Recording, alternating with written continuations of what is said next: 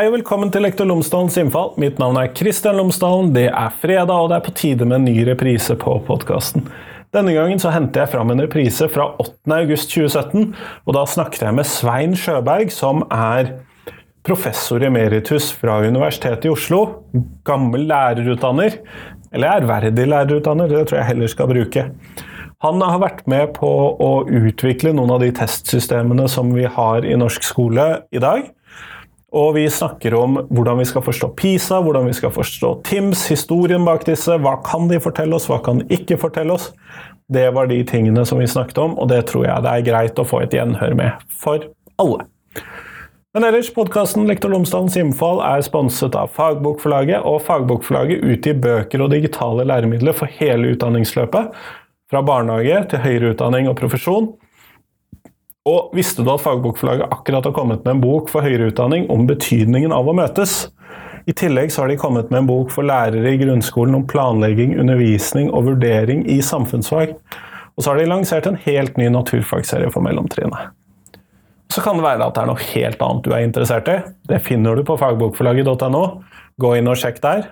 Og så hører vi på episoden med Svein Sjøberg sammen. Vær så god.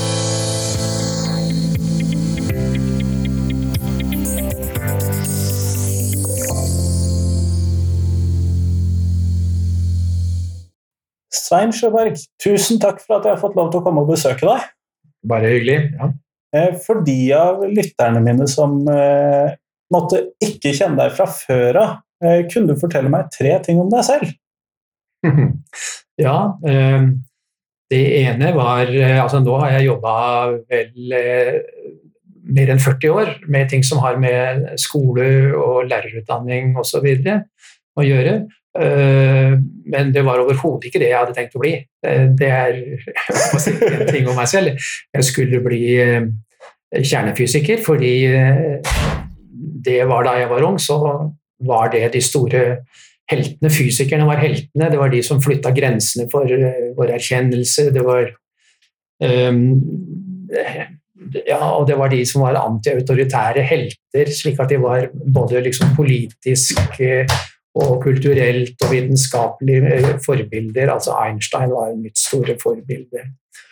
Og så eh, finner jeg da når jeg er ferdig utdanna at jeg er blitt kjernefysiker, og jeg, jeg sto det helt ut. Eh, men så melder tvilen seg, samtidig som det ble en åpning for å etablere en virksomhet i det vi nå kaller fagdidaktikk, men som da var, ikke var et, et, ord i det hele tatt, rundt 1973.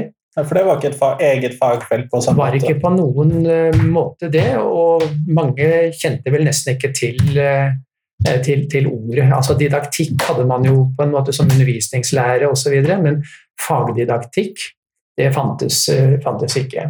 Så var det Øgrim og Ormestad som var uh, datidas uh, store de, de første TV-kjendisene i Norge. Vi hadde jo om det som ord. Uh, og de hadde programmer om fysikk på roterommet, som fremdeles går i reprise på, på NRK ved festlige anledninger de to professorene som vimser omkring og gjør spennende forsøk og undersøker hypoteser osv. Slik at eh, det instituttet, da, Fysisk institutt, ble nedringt av eh, lærere og andre som ville vite hvordan, hva slags eksperimenter de skulle gjøre, de ville ha råd om bøker de kunne lese, de ville komme på etterutdanningskurs osv. Og så ble det til at instituttet bestemte seg for å ville etablere en egen e-, enhet og så spurte de da meg, som da akkurat var ferdig med, med min cand.real i kjernefysikk og var stipendiat, for å ta en Vitas, eller for å ta en Ikke for å ta en Vitas, men for å, å ta en doktorgrad. Spurte om jeg ville hoppe av dette og, og, stå for å lede og bygge opp en sånn virksomhet i noe vi kalte i fysikkundervisning, et laboratorium for fysikkundervisning. Det kan man jo ikke si nei til. Nei, altså det kunne jeg jo ha gjort, eh, men det ble slutten på en måte for, for, eh, for den fysikk, rent fysikkfaglige virksomheten. Og så var det det at jeg, Grunnen til at de spurte meg, var jo også at jeg hadde vist stor interesse for undervisning, og, og også for faget i samfunnet uh, osv. Slik at Og så hadde jeg en far som var skolemann og var lektor, og så etter hvert rektor, og bygde opp det som het Reformgymnaset i Norge, som på den tiden da gymnaset gikk fra å være for, for bare 10-15% til å bli det vi kjenner nå, altså hvor nesten alle går det vi kalte gymnaset, går, går, videregående skole. Og han var da med å med de første forsøkene på å lage studieordninger og innhold, eh, form og innhold til den nye skolen. Så han var en jeg vil si, progressiv skolemann. så Og så var han realist, han også, som, som jeg. Slik at det var veldig mye skoleprat eh, rundt eh, frokost og middags hvor så har jeg liksom elsket skole, og så, og så i studietiden så finansierte jeg studiene med å være lærer i skolen. Altså ta vikartimer og, og sånn, så jeg, og jeg elsket å undervise. Og da ble det til å kaste seg over, over dette, dette, nye faget, da, som etter hvert er blitt til eh, fagdidaktikk i realfag, eller altså fysikkdidaktikk da, for mitt vedkommende. Eh, og da tok jeg jo utdanning i det området eh, også. Først en dro til England, for det var ingen pedagoger i Norge som var interessert i fag. Så da tok jeg en mastergrad i England, i education. Og senere tok jeg en doktorgrad her hjemme i læringspsykologi. Slik at til jeg ble omskolert da, fra å være kjernefysiker til å bli læringspsykolog. Ja, så Det er jo det som da blir en skikkelig fagdidaktiker.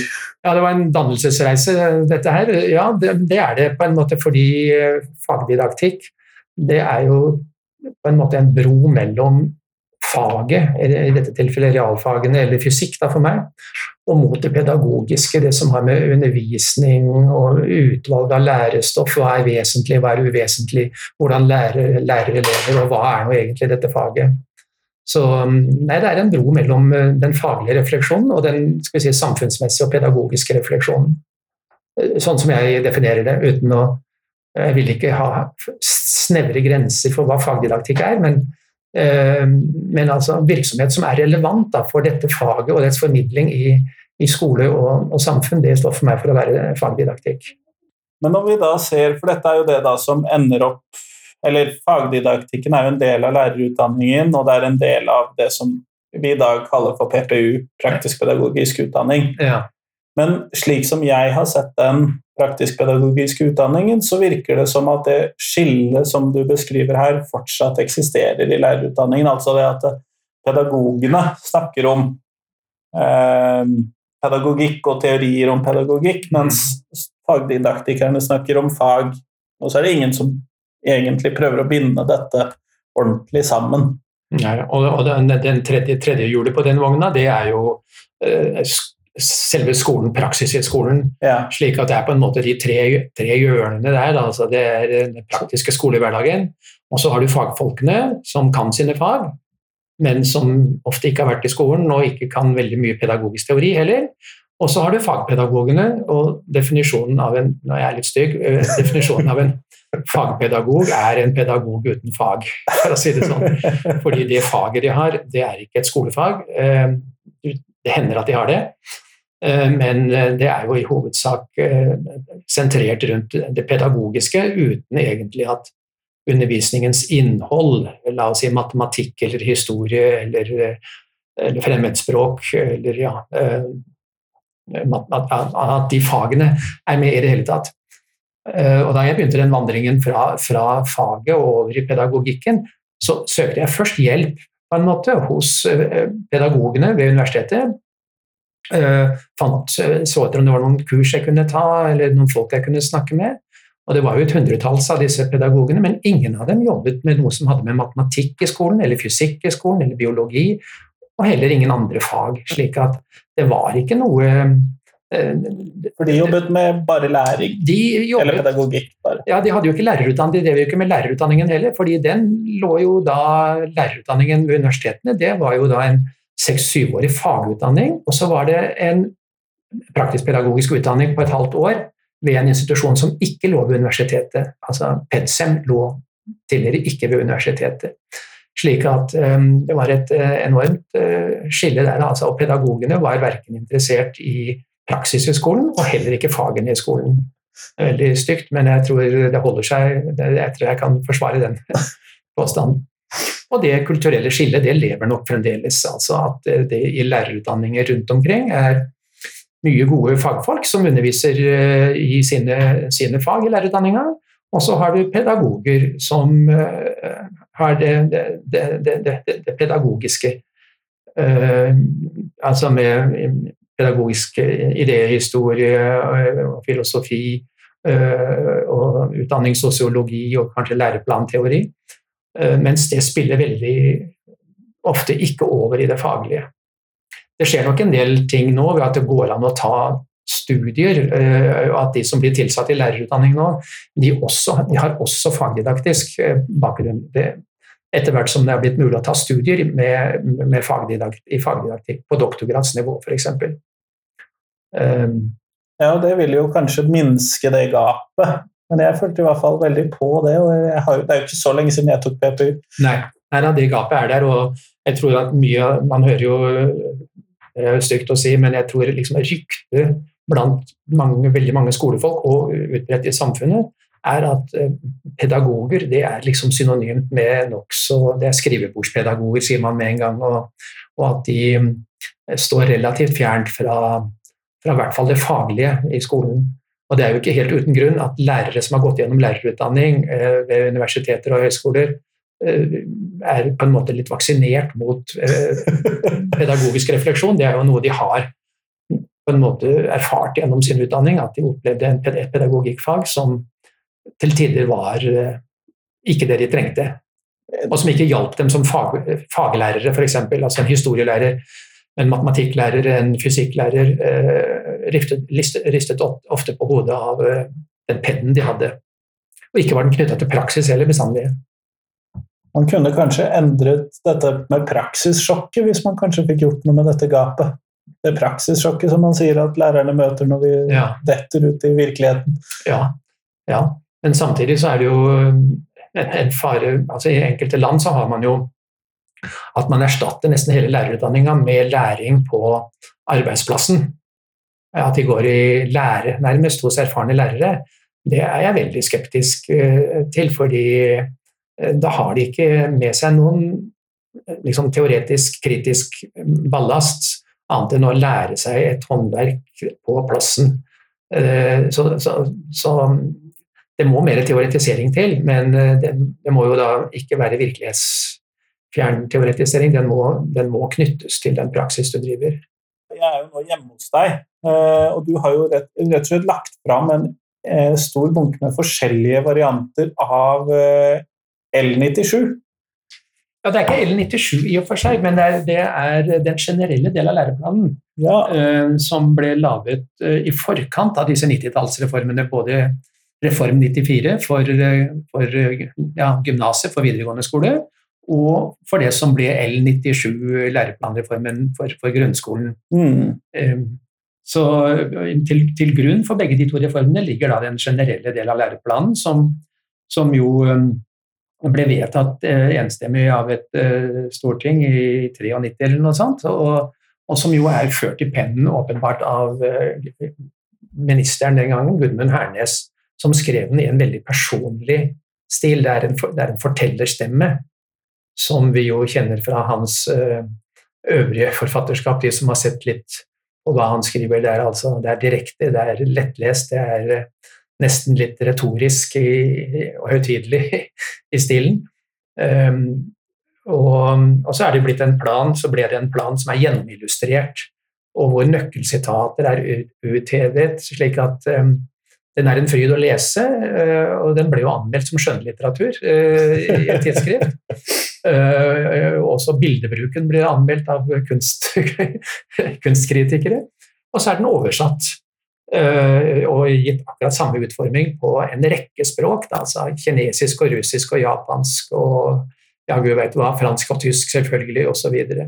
så den, eh, den, ble jo nesten en eksportartikkel. Det er en ganske imponerende pen eh, hva skal vi kalle det, liten bok til å være en sånn, bare en generell del av en læreplan, så er det jo veldig pen, pent utformet. Ja, den er helt spesiell, og, og både i, ja, spesielt i norsk sammenheng, hvor, hvor det, liksom det å åpne den gamle M74 som har mønsterplanen der, eller, eller senere planer, det har ikke akkurat vært noen estetisk nytelse. Altså det, er, det, er, det, er, det, er, det er grå dokument, sånn, uh, offisielle dokumenter som jo man må nærmest pløye seg gjennom uh, uten spesiell glede, men fordi man må.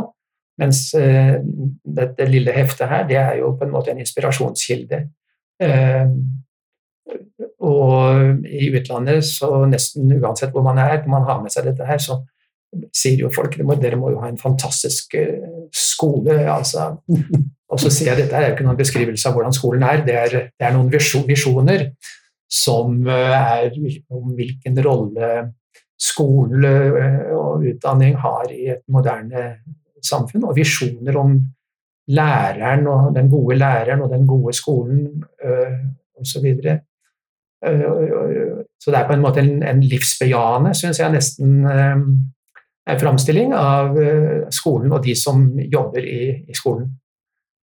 Og den er det jo kanskje litt synd i dag da, at skal erstattes med noe som kanskje ikke er det som vil ligge under de tusen juletrær, og og som kanskje heller ikke egner seg akkurat til å være det du tar med som gave til uh, utenlandske forskere. Men på den måten så blir det nok et mageplask nesten uansett hva man gjør med den, den planen som nå kommer.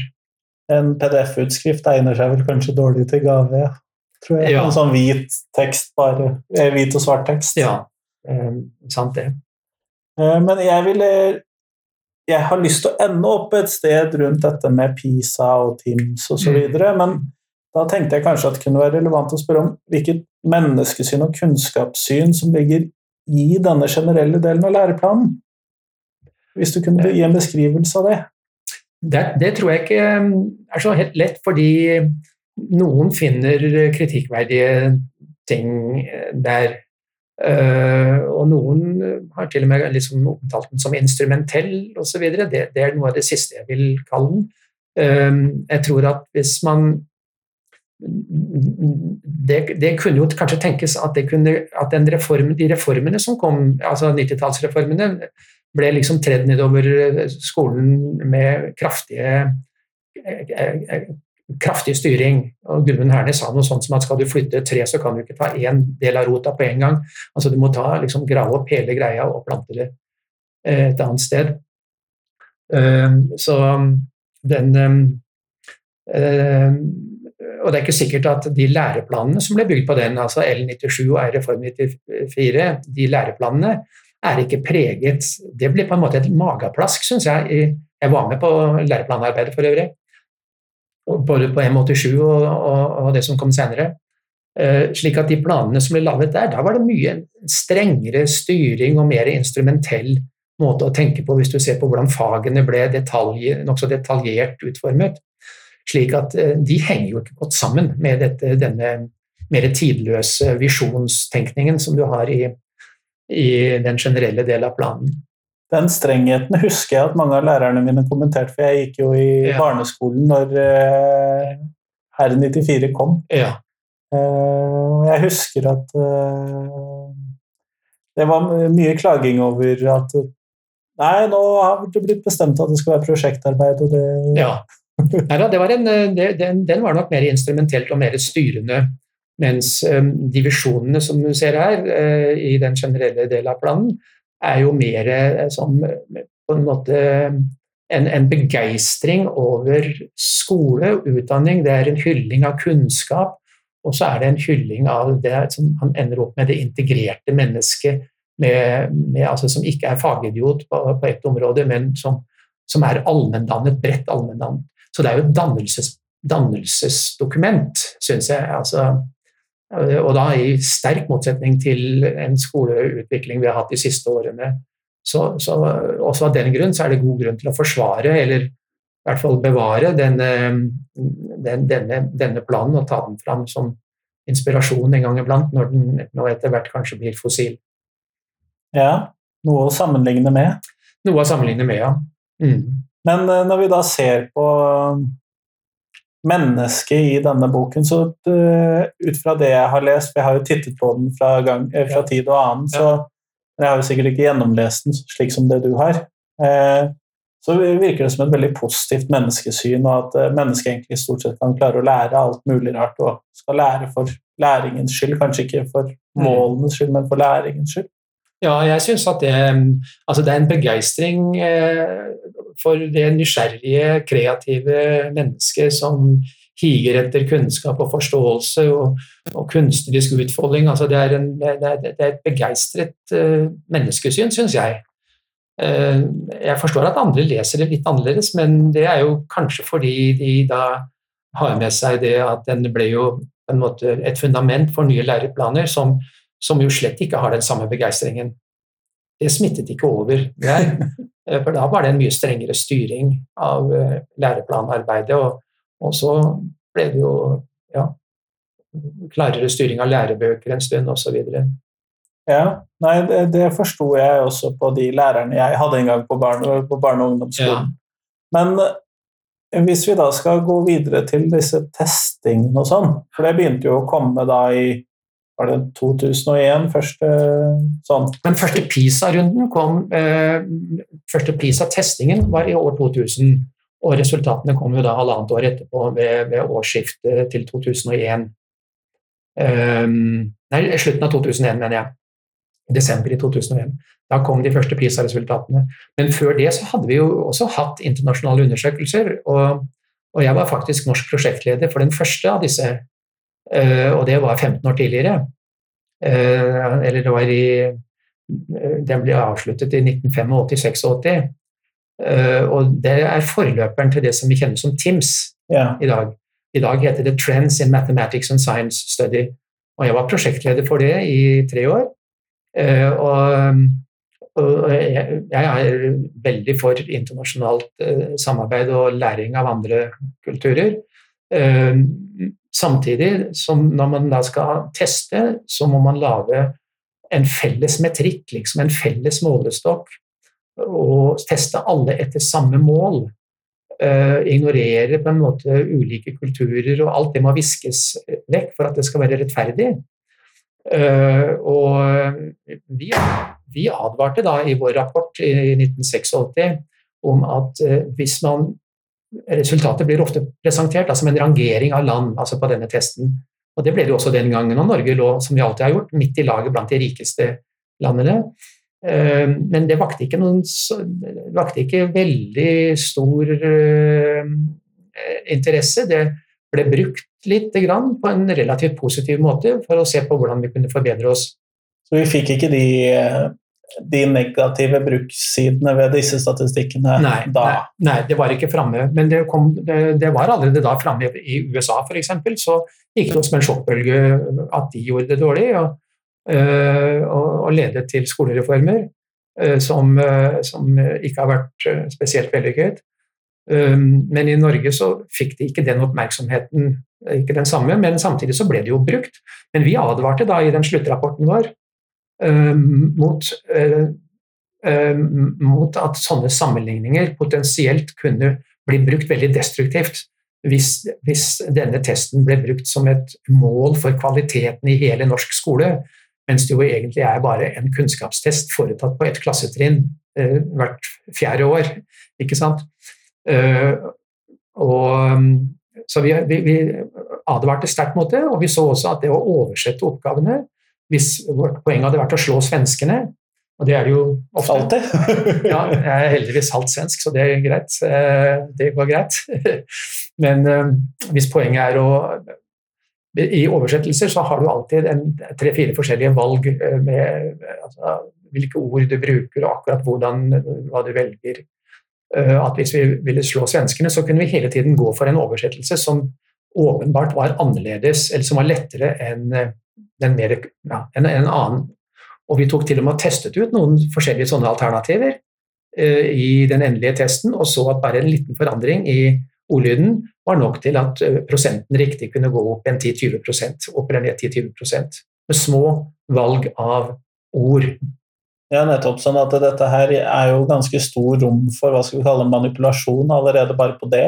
Ja, manipulasjon eller usikkerhet. For vi, jeg så at de svenske oppgavene, til, som er av, akkurat samme oppgaver, de blir nokså annerledes enn de norske, er, og de danske også, enda det er samme språk. Og Det samme har jeg nå sett med PISA. at eh, Det trenger ikke egentlig være noen språkforsker. Russ kan sammenligne på norsk, svensk og dansk, og så ser du at ja, de har jo valgt ulike ord. Ulike oversettelser. Selv om eh, de har fulgt læreboka. Eh, og de jukser ikke egentlig, men det blir bare sånn. Så har du, Hvis prosjektlederen hele tiden har i tanken om at vi skal gjøre det så godt som mulig, så må du treffe en rekke avgjørelser. Og sånn tror jeg det fremdeles er. Men det gjenstår jo dette her om at det er faktisk en bitte liten test som tas uh, i tre fag, to timer til sammen, hvert tredje eller fjerde år, uh, i noe som ikke er etter norske læreplaner, og så bruker man det som målestokk for den norske skolens kvalitet. Det er jo, det er jo helt sykt, egentlig. Det minner meg veldig om det der tegneseriebildet hvor man ser denne en gruppe med forskjellige dyr som gullfisk og elefant og apekatt og eksamen er å klatre opp i treet. Ja. Det minner meg veldig om det. Ja. Nei, altså, det, det, det, for at denne testen skal være på en måte rettferdig, så kan det jo ikke være noe som norske elever kjenner seg igjen i. Fordi de er urettferdig mot Brasil og urettferdig mot USA og Mexico eller Ghana for den saks skyld. Som heller ikke kan kjenne seg igjen i dette? Nei, altså poenget er at ingen skal kjenne seg igjen i det. Fordi og, og, oppgaver som er slik at uh, de varierer Vanskegraden på en måte varierer fra land til land. De blir, de blir plukket vekk de, av, uh, av, av, statistiske hensyn etter at de har vært hvis de, blir, hvis de, blir, prøvd ut, så blir de plukket vekk av statistiske grunner fordi de er unfair mot de kulturene som ikke kjenner seg igjen. Altså, I PISA så er det ikke noe om arktiske forhold, det er ikke noe om flora og fauna og utfordringer som vi står overfor. Og dette er i grunnskolen, hvor kanskje det å knytte det til knytte undervisningen i alle fag til noe som er aktuelt og framme i debatten, og som kan engasjere, som kanskje de kan illustrere med ting fra aviser og offentlig debatt, det er jo norsk skole på sitt beste, som er altså lever i det samfunnet vi er i, og tar opp med elevene utfordringer som er reelle, og som blir diskutert i samfunnet. Men sånn, bli, sånn er det ikke med i disse testene. Og så, er er det jo bare to fag. Da. Det er bare matematikk og naturfag. Det høres jo ut som Norge ville synke som en stein hvis Ludvigsen-utvalgets uh, sånne tanker om uh, overgripende temaer og dybdelæring skulle bli innført. Ja, hvis, det, det, ja, og da vil det selvfølgelig bli Da, vil andre noen innkassere det, se, se hvordan det går hvis vi gjør det. Men det er jo nesten å håpe at vi vil, at vi vil falle, fordi dette, PISA er, altså disse internasjonale testene stort sett er jo ikke noen test på kvaliteten i norsk, norsk skole. Men det, det, har mye interessant informasjon som man eh, for all del kan, kan, benytte. Men man kan ikke bruke det på den måten man bruker det i dag? Nei, overhodet ikke. Altså, den, krise, altså, den krise som ble skapt liksom, om norsk skole for, for 15-16 år siden, uh, av, av Kristin Clemet da dette kom, og Norge faktisk lå midt i laget blant de rike landene, ble framstilt som at norsk skole var en taper, og i, at vi var i krise. Det var vi ikke, og nå er vi på akkurat samme nivå. Det er jo interessant. Etter 15 år så er vi på akkurat samme nivå, og nå tar en ny minister fra samme parti og innkasserer det som en stor suksess og, og sier at vi er på rett kurs.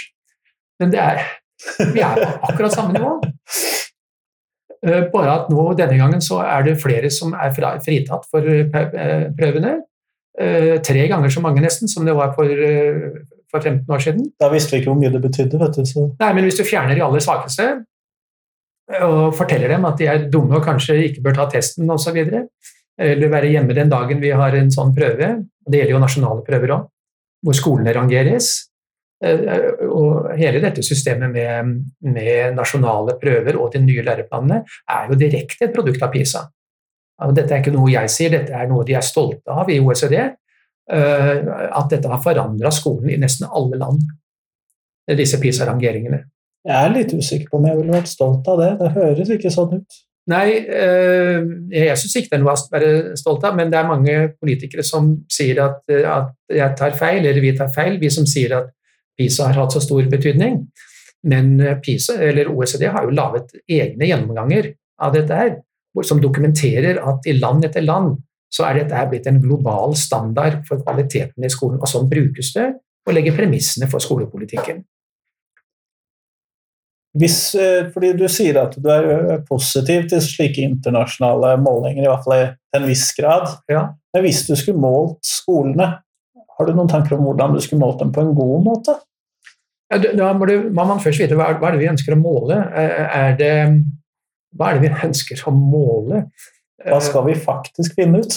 Ja, nettopp. Altså, det som hadde vært interessant i en, i en internasjonal undersøkelse, eh, hadde jo vært, eh, når en snakker om i dag med internasjonalisering og globalisering, hadde vært å lage en test som ikke egentlig eh, skal måle sånn minste felles multiplum som er felles i alle land, eller eventuelt det som næringslivet trenger. Det er, det, det er jo det PISA sier at de måler. Men å finne ut hva, hva, vet, hva, hva vet ungdom i ulike land om andre kulturer? Hva vet de om global historie? Hva vet de om global geografi?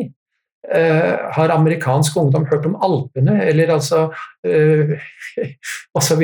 Vet de at vi har olje i Nor Norge?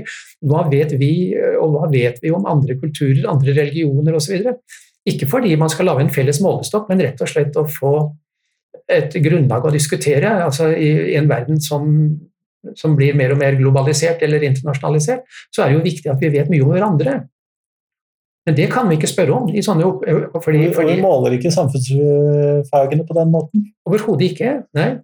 Um, slik at der vil man kanskje få på bordet både manglende kunnskaper og til og med fordommer om andre kulturer og religioner osv. Og, og, og det hadde vært interessant å, å få noen sånne sammenligninger for å kunne se hvordan vi skulle forholde oss, forholde oss til det. Altså. Eh, fremmedspråk også, eh, altså og kulturell forståelse. Verdenslitteratur. Hvor mye, liksom, I hvilke land har de hørt om Shakespeare, eller lest det? Det er mange ting å tenke på i, i sånne, sånne sammenhenger. Mens den testingen vi har nå, er jo bare rent instrumentell. Hvilke kompetanser trenger næringslivet i en global, knallhard naturvit teknisk naturvitenskapelig konkurranse. Det er det de tror de tester. Og så bruker vi det som et sånn vi er gode eller vi er dårlige. Ja. Og så dømmer man hele skolen, hele skolen, etter noe som ikke har noe med norsk formålsparagraf å gjøre. Se på de, alle de fine ordene i formålsparagrafen. Vi skal lære om demokrati og menneskerettigheter og sånt? Ja. Nå har vi riktignok en, en undersøkelse som ser litt på demokrati i, i demokratiundersøkelsen, som for så vidt en nyhet som, som, kommer nå snart. Og der gjør jo Norge det veldig godt, faktisk. Uh, men det har fått mye mindre oppmerksomhet. Vi, kan ikke krisemaksimere, og det handler ikke om matte, så da Nei, det, men jeg tror også at for norsk næringsliv, hvis det er det som skal være målestokken, så tror jeg det å kjenne til uh, historie, geografi og kultur i andre land og andre kulturer, det er en måte også å ruste norsk ungdom for eh, en eh, eventuelt arbeid i en, en, global økonomi. Så det å vite om andre folks eh, ja, tradisjoner, vaner, tabuer, forestillinger, er jo en måte som gjør det lettere å, å kunne reise mellom land og samhandle med folk i andre kulturer. Det er ikke bare det å være god i matte. Nå er det nå er jo dette fagene mine, så jeg burde jo nesten ikke si sånt, men, men Nei, man skal hegne om sine fag, så ja, ja, jeg har brukt hele livet jeg, til å kjempe for naturfagene, men nå syns jeg det går over alle ja, over stokk og stein. Eh, det er jo helt merkelig at, eh, at plutselig så, så, er det nesten bare realfag som fremmes som eh, det viktige, og så kan du glemme alle fag, altså praktiske, estetiske fag, kulturfag, språkfag osv. blir skjøvet eh, vekk, og en massiv etterutdanning settes i gang. Akkurat bare i, først og fremst i, i, i PISA-fagene. Og at det er krav til lærerutdanninga med en firer i, i, matte. Mens, eh, og Det er jo fint at man kan få eh, gode matematikklærere, men dette er jo også for lærere som ikke skal undervise i matematikk. Men jeg syns jo at alle lærere burde kunne kreve liksom, Skulle jeg sette noe spesifikt krav, så ville jeg knytte det til norskfaget. Ja, det er det jeg også har tenkt. At, hvorfor ikke? Liksom fordi det bruker de i alle, alle, i alle fag, også matematikk. Så er det, en, er det helt primært, og når eh, læreren eh, Altså, en lærer må kunne skrive et godt norsk, må kunne snakke et rimelig bra norsk, og, og, og kjenne en del til norsk kultur og tradisjon. Så norskfaget vil jeg jeg hvis man absolutt skulle ha et sånt Ja. krav hvis man skal ha et krav, ja. Det er nettopp det. Jeg, jeg sier ikke at man må ha det, og det er veldig fint at man vil heve kompetansen til lærerne, eller status, eh, gjennom å høyne deres eh, faglige standard. Men jeg, jeg syns det er helt ulogisk, det som eh, dessverre eh, er blitt gjort nå. Eh, Men hvis vi da skal se på den for her, Dette er jo litt om den skolen vi har, og det er en krisemaksimeringen, Og vi har hatt flere nå sånne læreplansrunder, og det, vi får jo tydeligvis flere runder med dette nå. Ja. Men hvordan skal vi få til en skole for fremtiden? Hva tenker du at vi bør legge vekt på inn, mot, inn i skolen da? Ja, det er eh, Altså, det at lærerne bør være velutdannet, det, det, det, det, syns jeg er, er primært. eh, Slik at uh, der syns jeg at eh, eh, også at eh, sittende regjering, eller altså nesten alle partier, dette med å gå inn for at lærerutdanningen skal være nokså omfattende, og nå med en eh, mastergrad, eh, er veldig i, i seg selv veldig ålreit hvis det fylles med et eh, rimelig bra inn- eh, innhold. Eh, Men, eh, men hvis man ønsker å øke statusen til lærerne, så vil jeg jo si at noe av det viktigste er jo da at, at de også lønnes og behandles eh, som en, et yrke med status. Og det har kommet uh, mange undersøkelser fra OECD, som ikke bare PISA, men her har vi eh, en sak jeg viser her nå. Det er en helt fersk rapport fra, fra OECD som sammenligner lønnsnivået til lærere eh, på ulike nivåer i hele verden, Uh, sammenlignet med de i samme land som har samme utdanning. Altså den relative lønna. Ikke, ikke i kroner og øre, ikke i kjøpekraft, men sammenlignet med de som tar annen høyere utdanning. Og der ser vi altså at norske lærere ligger langt lavere eh, i sammenlignet med f.eks. ingeniører eller andre med tilsvarende utdanning enn en de gjør i, i, mange, enn i OECD som snitt og i andre land. Jeg ser at videregående lærere tjener under 0, skal vi se, er det 0,75 Ja, av Så eh, de, de tjener eh, altså 25% mindre da, enn eh, andre i Norge som tar en tilsvarende lengde i utdanning. Og, og denne undersøkelsen er nokså grundig, for dette er offisielle registerdata de har gått inn i. Og jeg tror det er grunnlaget er lønn etter 15 år i yrkesaktiv tjeneste. Sånn for å ha et godt sammenligningsgrunnlag. Ja, altså, de, har, de har tatt alle sånne forbehold og, sett, på, sett på data, og der ser vi at altså eh, Finland og Danmark, øhm, eller særlig Finland, da, lønner faktisk lærerne sine veldig mye bedre. Der ligger finske lærere tjener mer enn de som har tilsvarende utdanning i Finland, men i Norge tjener de betydelig mindre. Sånne data, hvis man først skal slå i bordet i, forhandlinger, eh, så vil jeg jo tro at lærerorganisasjonene, nå er jo ikke staten motpart, men eh, i kommunene osv., så, så er dette her data som eh, fra internasjonale sammenligninger som, som er mye viktigere egentlig for lærernes status enn en, en OECD eller en PISA-rangering. Dette viser i hvilken grad samfunnet setter pris på lærerne. Ja, og det er over 10 prosentpoeng fra norsk videregående lærerlønn til eh, OECD-gjennomsnittet. Faktisk det også, ja. Og det Vi ligger ikke bare langt, eh, langt under eh, Ja, vi ligger langt bak OECD-snittet, og vi ligger veldig langt bak, eh, bak eh, en likelønn, da, hvis likelønn for lik utdanning hadde vært et, eh, et mål. Dette er jo selvfølgelig noe jeg må legge til i shownotesen på podkasten, sånn at man kan se det, de som Ja. hører på dette òg. Men det er interessant å se at Israel har høyere barnehagelærerlønn enn eh, videregående lærerlønn. Ja, jeg kan ikke gå inn på å vite Ja, jeg ser det. Jeg ser det, det ligger eh, Interessant å se. Ja da, øhm, det, det er det. Øh, og vi ser også at øhm, at mange land har, har, veldig stor forskjell mellom Se på også Finland. Veldig stor forskjell mellom den måten man avlønner lærere i skal vi si, videregående skole og førskolelærere. Ja. Og i alle land, så å si alle land da, så ligger jo lærere i videregående skole, som i de fleste land har en, også en lengre utdanning, de ligger betydelig høyere. Men de har jo da også, da, som du sier, ofte lengre utdanning enn de ja. andre lærerne. Ja, ja, det har de. Men sånne data er klart at de er uh, viktige. Um, uh, og da må man jo um, bruke de sammenligningene som er, som, som er, relevante. fordi hvis man bare ser på lønna for norske lærere, så er jo den kanskje høyere enn i f.eks. Finland, eller omtrent like høy. Men da må man jo se at det er jo fordi lønnsnivået i Norge er så, så sier man at vi bruker så mye på utdanning. Ja, vi bruker mye på alt, vi. Fordi vi har så mye mer penger.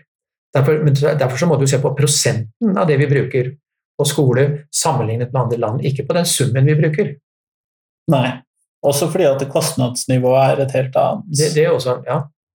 Sånn at det blir Ja, jeg er enig. Det blir feil. Så, så, eh, det å lage statistikk og bruke statistikk, det er en eh, risikoøvelse, og du kan hvis øh, folk ikke er godt skolert i, eller rimelig bra skolert innenfor å lese statistikk og tall og rangeringer og sånn, er det lett å bli lurt.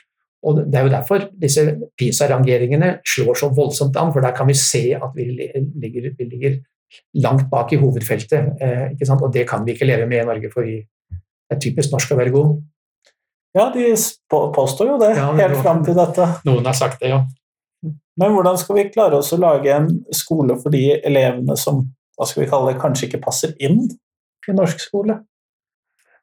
Jeg har ikke noen vidundermedisin på det. Og dette med fraværsregelen og frafall og sånn, jeg, jeg, jeg, vet ikke nok om det til å ha klare, klare meninger. Men jeg må bare si men likevel. Ehm, dette med frafallet i, i skolen, det, det, viser seg jo at eh, hvis du ikke måler etter bare eh, normaltid eller to år etterpå, men tar et litt lengre perspektiv, så viser det seg jo at uh, forbløffende mange av de som man liksom har dømt nord og ned, er i jobb og har tatt uh, utdanning. Det er bare at det har tatt lengre tid, og det har gått noen omveier, strafferunder eller hva du kaller det. Slik at uh, igjen så er det litt om å gjøre å ha tunga rett i munnen når man ser på den type statistikk. Uh, men Jeg kan ikke detaljene på det, men jeg ser at noen, mange har trukket fram det som, som, et argument. I andre sammenhenger så ser man jo liksom det er guttene som er problemet i, i, i skolen, men samtidig så, så er jo Når du går litt høyere opp i Det er jo undersøkelser som heter PIAC, altså som er voksen, voksen-PISA. Der viser det seg at det er jo guttene som skårer uh, høyere enn en, en kvinner i, i yrkesaktiv uh, alder, slik at, at det, det, er jo det, det, er ikke et entydig bilde her. Nei, det er ikke noe entydig bilde, og det kan jo tenkes at 15-årige gutter som sitter på skolen og får får disse jeg vil si, dumme PISA-oppgavene som ikke er relevante for dem, men som er veldig mye lesing av, ting, av tekst som ikke er spesielt interessant, for å si det mildt. Ja, og på en test som er anonym, så kan det vel tenkes, og vi vet litt om det òg, at eh, gutter i litt større grad enn jenter har en tendens til å si at dette gidder jeg ikke. dette gidder jeg ikke. Altså, det spiller ingen rolle for meg, ikke for skolen, ikke for læreren min. Jeg får ikke noen feedback, vi får aldri vite resultatene. Dette gidder jeg ikke. Da bare krysser jeg nedover eller leverer ja, tomt? Eller... Nettopp. Ja, det, den, mens i en del andre land, eh, og kanskje spesielt eh, Shanghai, Singapore, eh, Taiwan, Hongkong, Korea, så, så, gjør de som de blir bedt, i mye større grad. Da. Land med større grad av lydighet? Lyd, lydighet, autoritetstro. Og så kan man diskutere er det bra eller dårlig at de er lydige og autoritetstro. Jeg, har, jeg er litt anarkist når det gjelder sånt. Jeg syns at uh, Ja, du sa jo at du valgte eh, fysikken fordi at det var der uh, Radikalerne var. Ja. Radikale tenkerne, ja. Sånn at det sier seg det, det, passer inn i bildet du dannet av deg selv i stad. Takk, det var hyggelig. Men hvis vi da skulle avslutte podkasten på dette punktet, og du skulle få mitt faste avslutningsspørsmål, mm -hmm. som er hva ville du gjort i norsk skole i morgen hvis du hadde fritt budsjett og fritt mandat i norsk skole? At du fikk lov til å være skolediktator? Ja, se det. Gitt. Ja. Um, ja, den, den, disse grafene vi akkurat så på nå, med at lærerlønninga selv i videregående skole er 25% lavere enn de som har tilsvarende utdanning, så vil jeg si da vil jeg bruke veldig mye penger på å sørge for at lærerne fikk en lønn som var slik at når du skal velge fag og yrke, så, så, vet du at du tjener like mye om du blir lærer som det å ta deg annen høyere utdanning. Jeg tror det ville gjøre veldig mye med rekrutteringskrisen, eh, eh, altså lærerkrisen som vi opplagt har nå, da, med mangel på kvalifiserte lærere. Og, så Det ene er altså betydelig lønnsløft. Da ville man kanskje fått overoppfylt denne um, inntakskravet som de har satt på matematikk også? Nettopp at søkere som da liksom vil bruke sine gode karakterer, eh, de kan like gjerne bruke det i, i lærerutdanning, hvis lærer, for da vil lærerutdanningen framstå som læreryrket framstå som mye mer attraktivt. Og det vil, også, det vil jo altså Status er jo ikke direkte proporsjonal med, med lønn, men jeg tror nok at et betydelig lønnsløft der ville være et signal. Og hvis da attpåtil lærerne kunne få en arbeidssituasjon som ikke var som preget av mistro og kontroll og rapportering eh, Og det er jo ting som tyder på at Stortinget har jo vedtatt noen sånn tillitsreform, som det kalles. Altså Hvis de virkelig da også viser lærerne den både gir dem større tillit til at de gjør en god jobb uten å bli kontrollert, og attpåtil høyere lønn, så tror jeg at læreryrket vil framstå sånn som det en gang gjorde da faren min og andre valgte å gå inn i skolen. Det var gildere å bli på hans tid, og også mange tiår etterpå. Det var det like, minst like gildt å bli lektor i videregående skole, det gamle gymnaset, som det å bli forsker ved et universitet. Nå er jo begge deler blitt eh, mye mindre attraktivt, men spesielt kanskje læreryrket. At, eh, at eh, de, de, føler nok en, en, en, kontroll og en mistro. Og det er dessverre også en frukt av PISA-undersøkelsen. altså At folk går omkring og tror at norsk skole er dårlig, og at norske lærere gjør en dårlig jobb. Mens faktisk så er vi jo nå veldig bra på disse internasjonale undersøkelsene. Men likevel så klarer man ikke å avlive dette ryktet da, om at Norge gjør det dårlig. Vi gjør det faktisk bra, men det bør egentlig ikke spille noen eh, rolle, disse testene. Men vi bør kunne legge det til side, fordi nå gjør vi det faktisk bra. Eh, Læreryrket bør ikke være noe foreldre advarer barna sine mot å velge når de skal velge høyere utdanning? Nei, Uh, og i gamle dager så var det jo liksom flågvitene, det var liksom de flinke rundt omkring på bygdene som dro til seminarene lærer, og tok lærerutdanning og kom tilbake til bygda som lærere og høy status og høyt respektert i bygda. Det er jo litt den situasjonen Finland er i i dag. Altså et land med relativt lavt utdanningsnivå sammenlignet med det norske. Og så kommer lærerne og har en femårig universitetsutdanning og i det finske samfunnet så, så da kødder man ikke med lærerne. Altså, og, og, foreldrene står ikke der og forsvarer barna sine mot uh, læreren. Det, det, da er foreldrene på parti med læreren. Uh, og alle skjønner at uh, skole og utdanning er veien til bedre, en bedre framtid. Så mer status til læreren? Mer status på to måter. Det ene med lønn, og det andre med å gi dem den tilliten de faktisk fortjener. Kjempeflott. Tusen takk for at jeg har fått lov til å komme og prate med deg. Ja, I like måte.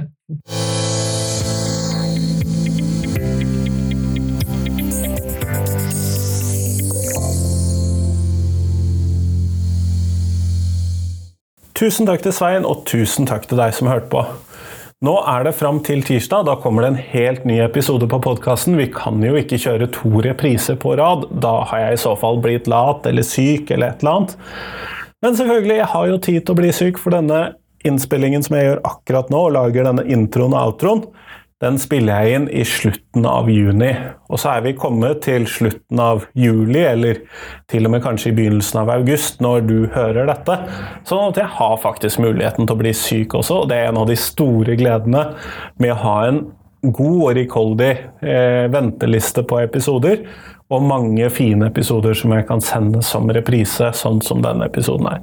Så håper jeg du satte pris på episoden med Svein, og så lurer jeg på, når du har hørt den, hvem tenker du at jeg bør invitere neste gang på podkasten? Hvem er det som skal komplementere denne episoden, enten med ris eller ros, eller et annet perspektiv, eller mer av det samme perspektivet? Hvem skal jeg ha med på podkasten? Det lurer jeg på. Og så send meg en mail så skal vi se om vi kan klare å ordne det. Men nå, nå får du ha en fin helg. Hei, hei.